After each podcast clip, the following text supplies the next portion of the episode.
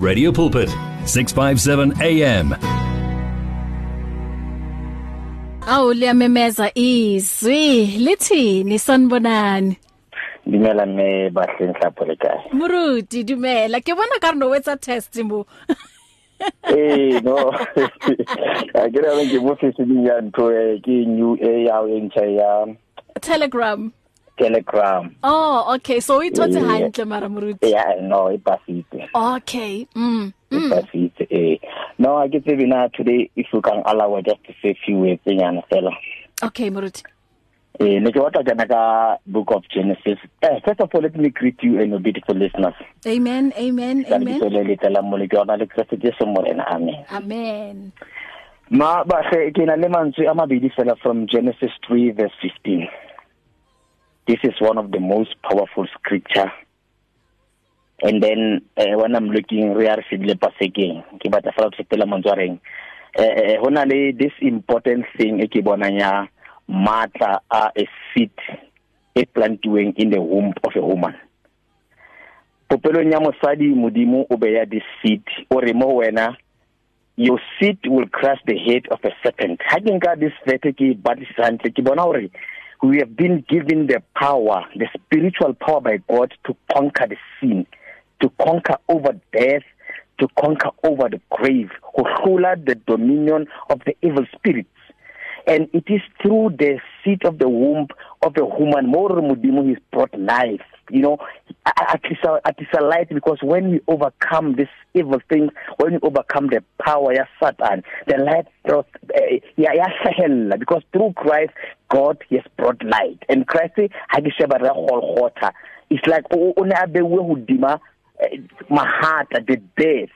But now the spirit of God it was uplifted. Kore ha ke bara this verse ku sorry through the power of God we have been given through this seed the womb of woman. Modimo o file motho matla a ho hlola lefu le lebitla. Through Christ ha palamisa sepapano wa rona re bona tsohle tse ntle tse etsalang maphelong a rona. Ha ke sheba or ke tsa conclude ke ya to the book of John 19:28 ke mo Christ ha ne ale sefapanong uh, on the the word of Christ ha bua re I am thirsty.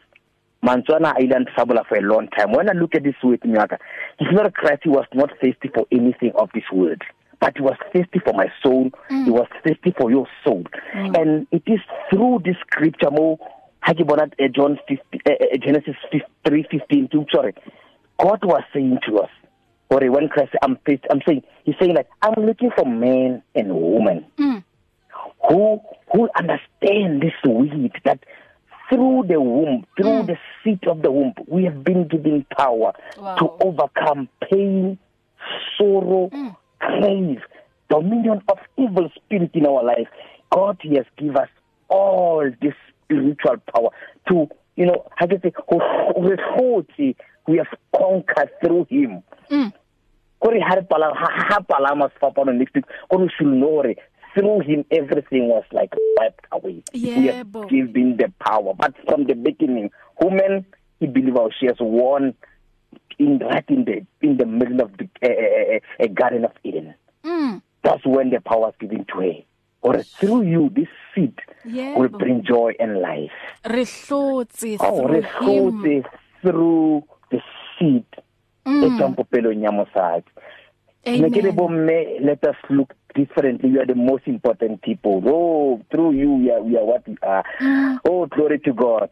Mm. Ah. Re dilo bua lwena re a leboha re a leboha moruti. O itse re re hlona lofetse ka mantswe a. Before he moruti ngikudedela um kune WhatsApp engenile lane. I don't know ukuthi Okay. yiphi indlela ongasisiza ngayo. Uthi umama lana uthi ufuna ukwazi ukuthi how do we deal or how do we handle single life? Cause uthi sometimes um ufila lonely ufila alone. Uh, in spiritual or in in personal life mewaka i think in personal life. It's difficult to feel alone in this way but uh, mama remember uh, I, don't know I'll say she must remember or there's only one pillar ne? Mhm whatever the the, the the the author of life. Mm if she go to the bible and maybe she must pick up like maybe John uh, Romans uh 8:36 if, if I'm not mistaken mm. that's when God was saying uh, nothing can separate me from your love. Yes. Whatever pain sorrow whatever. Mm. if you can just go to the scripture and invite holy spirit mm. Be there with her and to help her to read and to understand the word because he's the only author who can be there with you when you read the book mm. yeah and then i believe something will come out but whenever she pray mm. she must cover her prayer with the name and the blood of Jesus Christ remember through the blood yeah so when god see a, a person anale madi Christ it's like he see himself so yeah. That's it then she must just pray and cover her prayer with the blood of Christ so that she could find her identity in God Amen. Raleboha Muruti eh asithemba ukuthi umama lapha ya usizakele. God bless you. Bless you too. Mm. Ya ke moruti um Sean Setlare o be sherela la go Genesis 3 verse 15 ethi ngaye uJesu Kristu ngempela um siyanqoba ngoba naye uqobo lwakhe wanqoba bazalwane ukufa. So sinamandla ngaye. Isikhathi ke sithi 14 um 39 ngicela ukundlula ngala uma ke sibuya. Um singibone ukuthi isikhathi sizobe sihamba kuphi.